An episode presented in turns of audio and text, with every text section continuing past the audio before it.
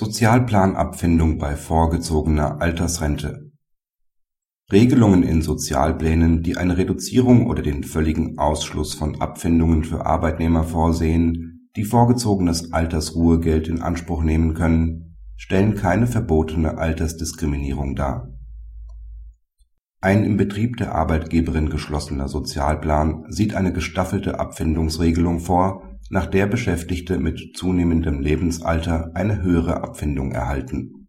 Für Mitarbeiter, die in unmittelbarem Anschluss an die Beendigung des Arbeitsverhältnisses Anspruch auf eine vorgezogene Altersrente mit Abschlägen haben, ist vorgesehen, dass der Abfindungsanspruch entfällt und stattdessen lediglich ein monatlicher Ausgleich zur Milderung der Rentenkürzung in Höhe von 160 Euro zu zahlen ist die Arbeitgeberin kündigt das Arbeitsverhältnis des Arbeitnehmers zum 31.12.2005.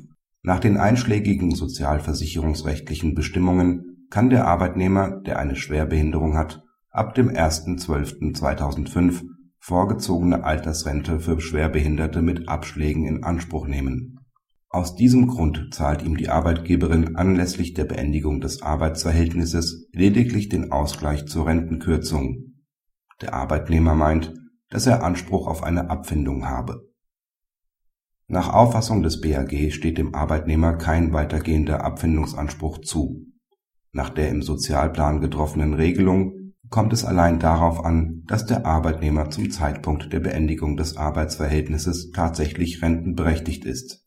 Ob und zu welchem Zeitpunkt die Rente von dem Betroffenen beantragt wird, ist unerheblich die von den Betriebspartnern getroffene Regelung verstößt weder gegen den Gleichbehandlungsgrundsatz noch gegen das Verbot der Diskriminierung wegen Alters oder einer Schwerbehinderung. Den Betriebspartnern steht bei der Beurteilung, welche wirtschaftlichen Nachteile den Arbeitnehmern infolge einer Betriebsänderung entstehen, ein weiter Beurteilungsspielraum zu. Dieser gestattet auch eine pauschalierende und typisierende Betrachtung. Es ist insoweit nicht zu beanstanden wenn die Betriebspartner annehmen, rentenberechtigte Arbeitnehmer seien im Regelfall wirtschaftlich stärker abgesichert als andere Beschäftigte. Dabei ist es nicht erforderlich, auf jeden individuellen Rentenverlauf oder die individuelle Rentenhöhe abzustellen. Die vorgenommene Gruppenbildung verstößt daher nicht gegen den betriebsverfassungsrechtlichen Gleichbehandlungsgrundsatz (§ 75 Absatz 1 Betriebsverfassungsgesetz es liegt auch keine verbotene Altersdiskriminierung vor. Auf den im Jahr 2004 geschlossenen Sozialplan sind die Vorschriften des AGG zwar nicht unmittelbar anwendbar, gleichwohl war es den Betriebspartnern gemäß § 75 Absatz 1 Satz 2 Betriebsverfassungsgesetz in der bis zum 17.06.2006 geltenden Fassung untersagt, Arbeitnehmer wegen der Überschreitung bestimmter Altersgrenzen zu benachteiligen die vorliegende Regelung differenziert allerdings nicht ausdrücklich nach dem Alter. Sie benachteiligt allenfalls ältere Arbeitnehmer mittelbar, da die Inanspruchnahme einer vorgezogenen Altersrente erst ab Vollendung des 60. Lebensjahres möglich ist. Diese mittelbare Diskriminierung ist aus den genannten Gründen gerechtfertigt, ebenso wie eine mögliche mittelbare Benachteiligung schwerbehinderter Menschen.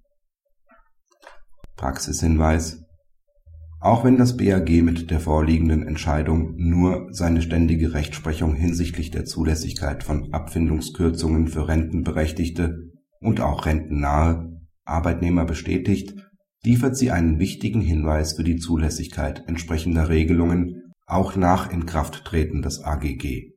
Mit der gesetzlichen Regelung in § 10 Nr. 6 AGG hat der Gesetzgeber die ständige Rechtsprechung sogar ausdrücklich kodifiziert und so verwundert es nicht, dass auch das BRG in der vorliegenden Entscheidung beiläufig auf diese Vorschrift verweist.